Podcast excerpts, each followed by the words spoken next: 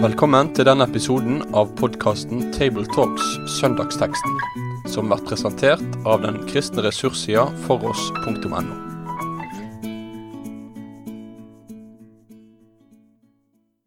Da er vi på plass igjen fra Bergen for en ny episode av eh, Table Talks. Rundt bordet her sitter høyskolelektor Rolf Kjøde, Jon Magne Strømstadbø som er prest i Delk, og meg sjøl Tarjei Gilje til daglig redaktør i Dagen. Vi skal lese og gå gjennom teksten for domssøndag. Den finner vi i Johannesevangeliet kapittel 9 vers 39 til 41. Da sa Jesus, Til dom er jeg kommet til denne verden, så de som ikke ser, skal bli seende, og de som ser, skal bli blinde.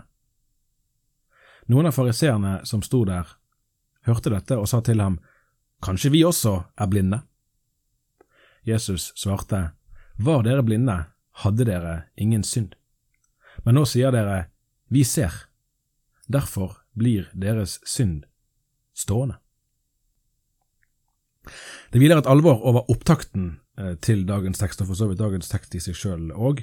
Vi leser om den blindfødte som får synet, om sammenhengen mellom synd og sykdom, og om fariseerne som prøver å få kontroll over situasjonen.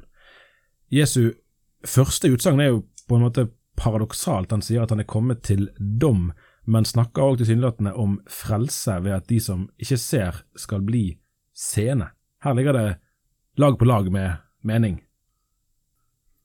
Ja, det gjør jo det. Eh, vi er jo, dette, dette er jo en tekst som er valgt for domssøndagen, altså det er siste søndag i kirkeåret. Eh, tid for å reflektere, som vi alltid gjør på, på kvelden på nyttårsaften.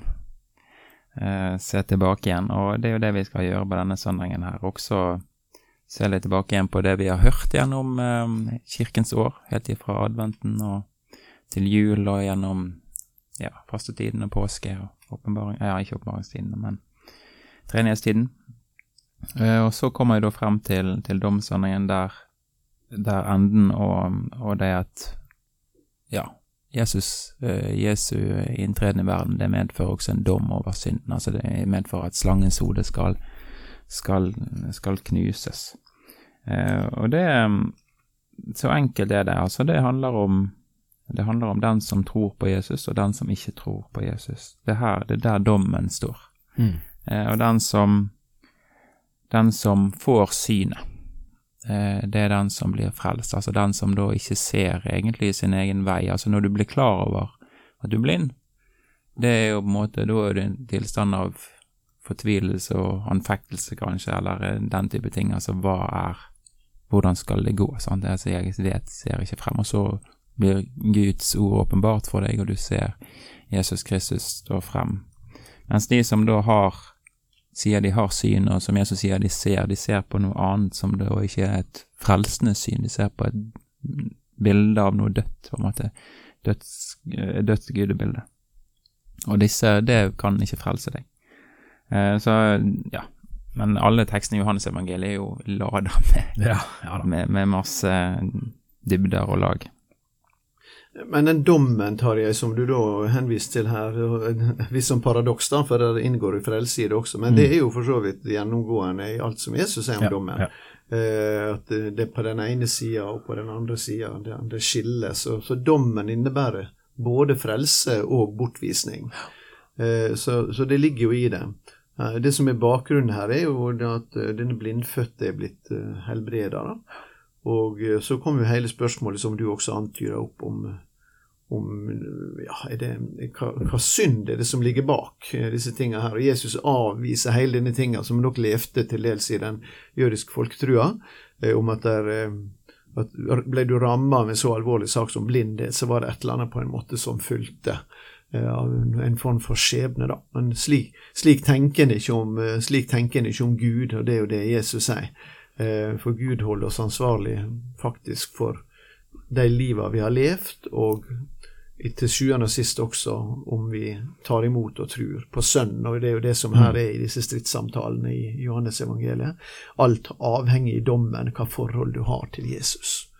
Eh, og det må vi iallfall utkrystalliseres samme hvor dette blir preikt nå på den kommende søndagen, så, så må det utkrystalliseres at alt handler om forholdet til Jesus. Jeg husker jeg eh, intervjuet daværende eller Han var da emeritus for lengst, men biskop eh, Per Lønning mens han levde.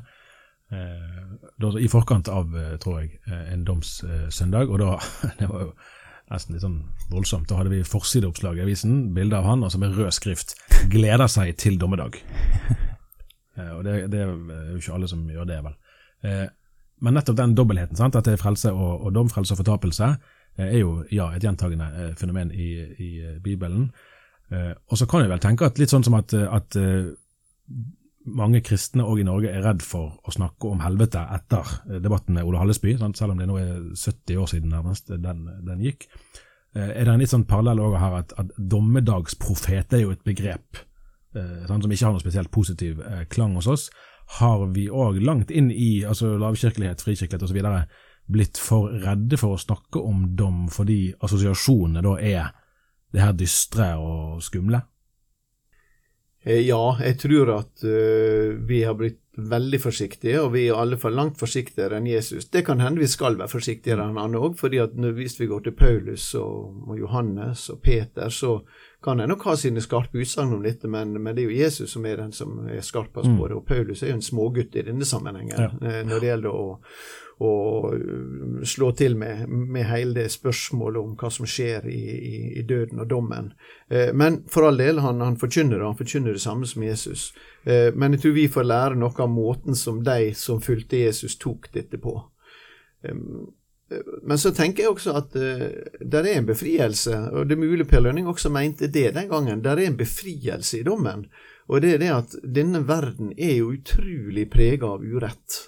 Eh, og, og, hvis vi skal summere opp livet i den verden vi lever, nå lever i, og det er kanskje litt fjernt for oss her i Norge, men altså verden er så djupt urett at hvis det er siste ord, mm. da er det bare angst og depresjon mm. og smerte og død og alt annet som egentlig er dømt til å seire. Ja. Mens dommen er jo et oppgjør med uretten. Eh, og så får vi alle ta et forhold til det, for uretten fins i oss alle. Eh, men, men, det er et oppgjør med uretten. og jeg vil ikke kalle dommen for et evangelium, men det er noe forløsende i dommen. Det at Han som er fullkommen og hellig og elsker oss med evig kjærlighet, han skal holde dommen og sørge for at retten eh, blir brakt til torgs. Det er iallfall et perspektiv som jeg syns det er godt å ha med seg inn i domsforståelsen. Mm, de fleste av oss vil antagelig tenke at uh, fariseerne, det er de andre. I hvert fall uh, er det ikke noen hedersbetegnelse, men hvis vi prøver å sette oss i deres sted, hvor forståelig er fariseernes handlemåte i den teksten som går forut for de tre versene vi snakker om i dag, som for så vidt representerer mye av det vi forbinder med fariseisme i Det nye testamentet? Ja, altså Det er jo manges eh, vi, blir jo veldig klar over at det var flere partier, la oss si det sånn, da, på Jesu tid, og det er ingen Jesus relaterer seg så mye til som fariseerne i Det nye testamentet. Kumran-folka hører vi ikke noe eller senere hører vi ikke noe om. Av og til hører vi om sadukerene, men det er jo fariseerne Jesus forholder seg desidert mest til. Og så er det blitt et sånt fyord for oss, mens det egentlig var en hedersbetegnelse på den tida som var. For dette her var folk som tok sin tru på alvor, og det er jo mange som vil mene at ja, når Jesus går så tett i klinsj med deg, så er det fordi at det var de han på mange måter var nærmest. Mm. Mm. eh, og, eh, eh, og så ser vi jo, det står i apostelgjerningen, at mange av fariseerne faktisk kom til tru. Og han som ble sjefsmisjonæren, han var jo sjøl en fariseer. ja, mm. eh, og det er kanskje ikke tilfeldig. Jeg tror det kom langt færre sadukere til tru. Det var jo rene liberalteologer. De er jo forherda i utgangspunktet. Ja, ja.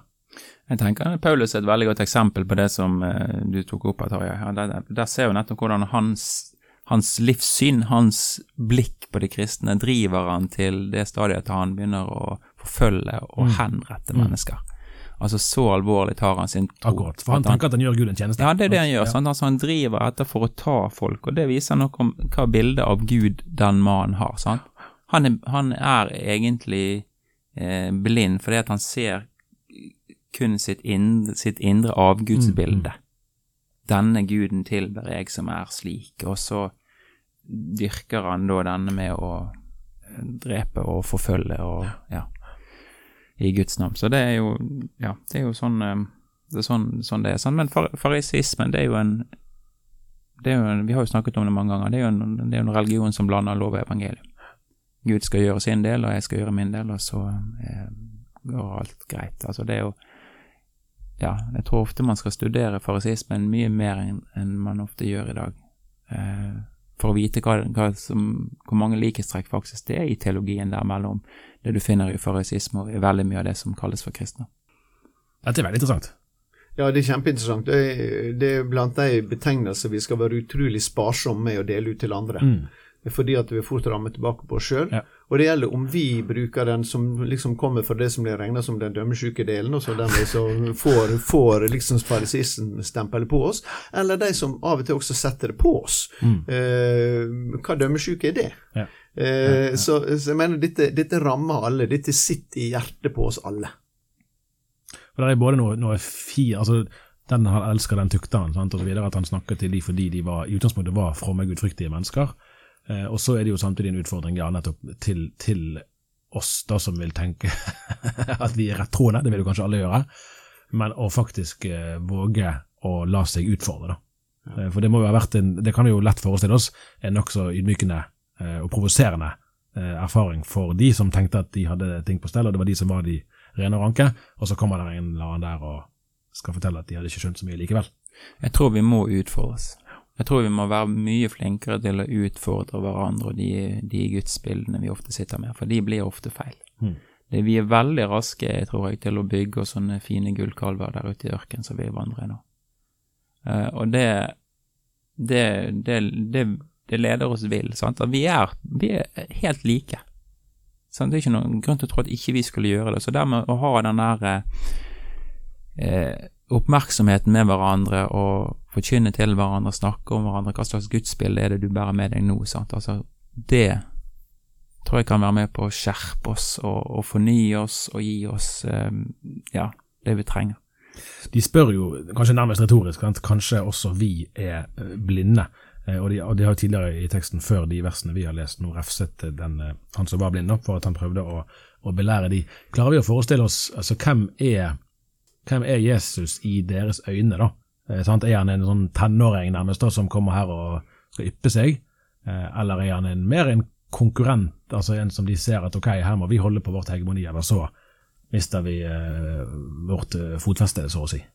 For det gjør noe med hvordan de hører på han. Ja, eller, eller, ja, og kanskje er det slik som da den svenske teologen Hugo Odeberg, som hadde storhetstid på 1960-tallet, så det er en stund siden, men, men, han skrev jo en bok om farisisme og kristendom.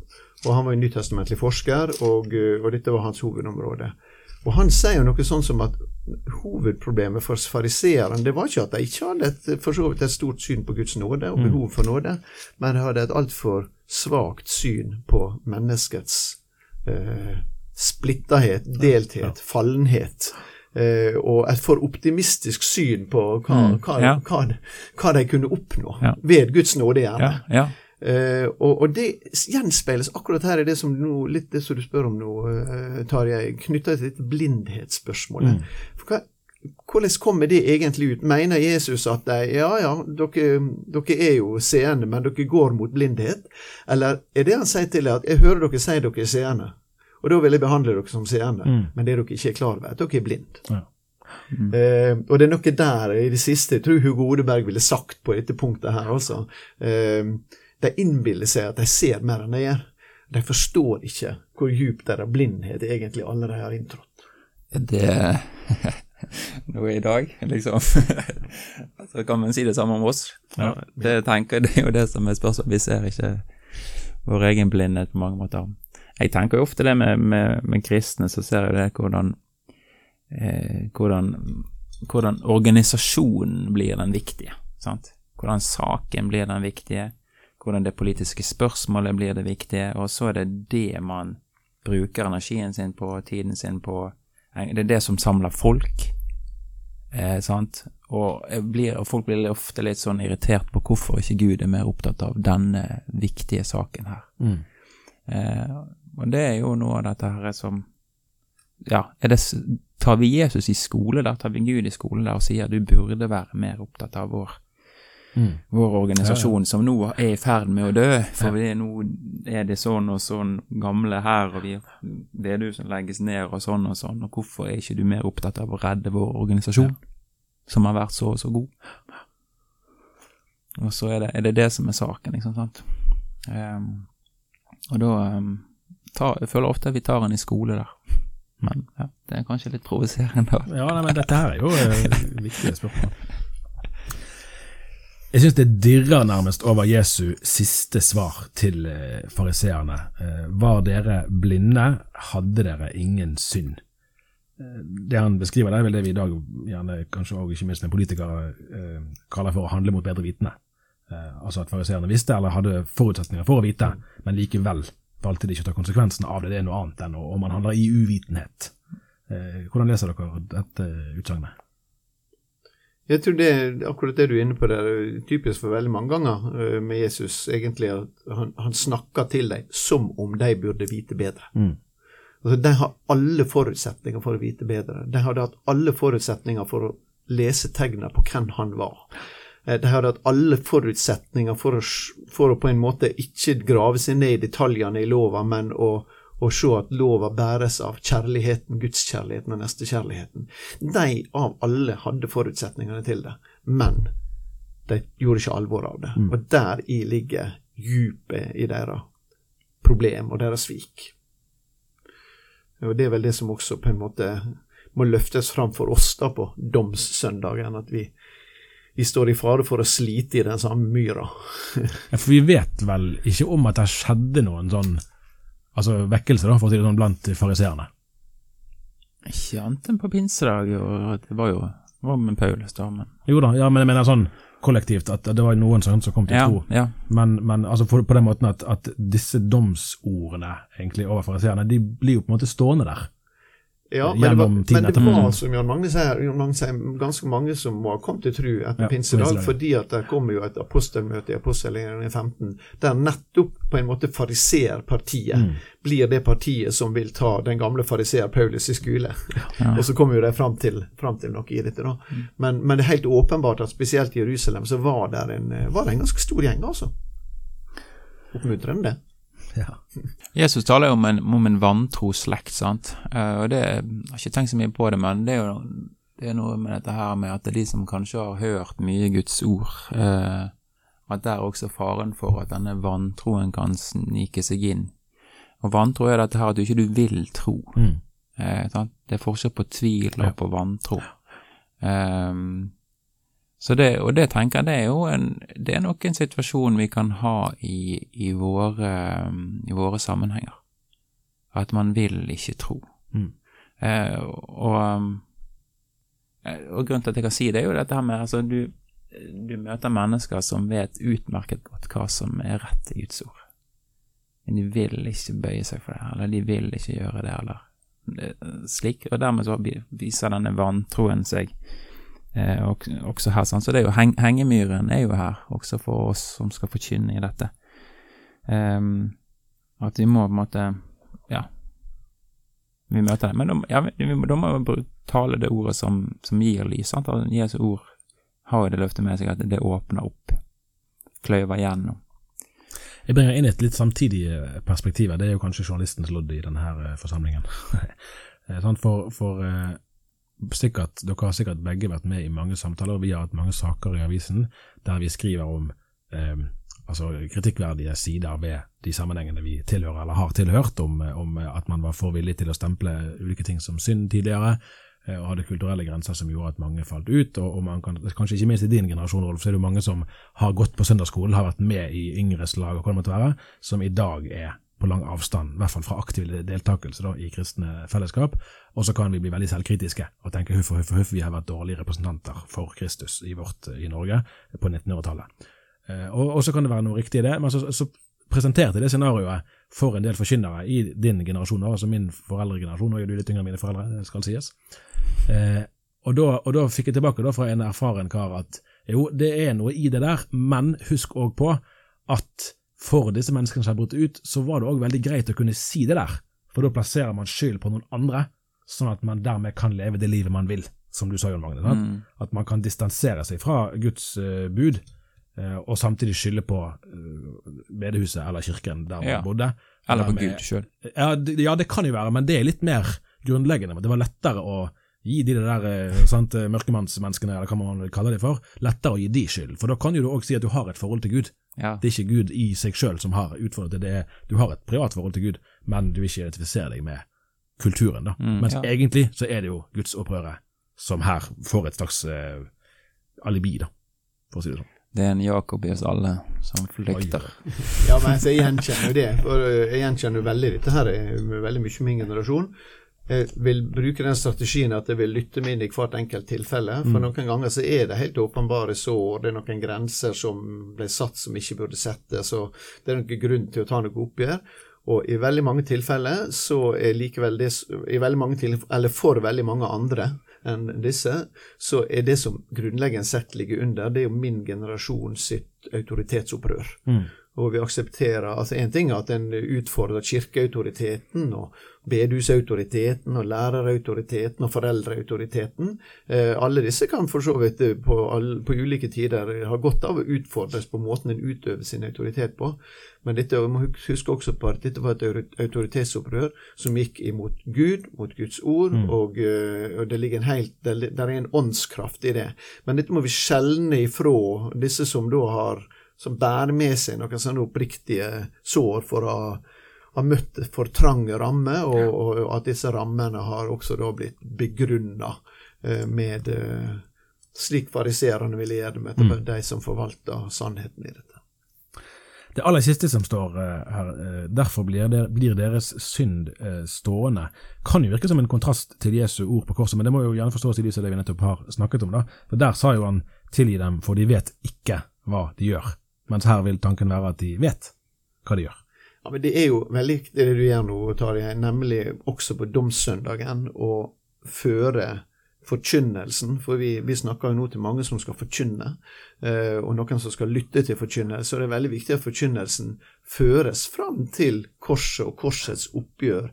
Og det som skjer på korset, der Jesus tilsier altså røveren, den ene røveren, eh, paradiset. Det er utrolig viktig at vi kommer dit, men jeg tror, når, når jeg jeg reflekterte over akkurat dette punktet før vi liksom kom inn her i dag, tenkte jeg at ja, men det er en forskjell på det Jesus gjør på korset når han ber for alle. For det gjør han. Tilgi deg, og det er spesielt eh, de jødiske lederne, da. Der ber han faktisk for disse som han her snakker krasst til, akkurat sånn som du påpeker. Og den bønna gjelder for de alle. Det er Jesu ønske at vi alle skal bli frelst og komme til å, å lære å kjenne sannheten. Men det er bare én på korset han tilsier, og det er røveren.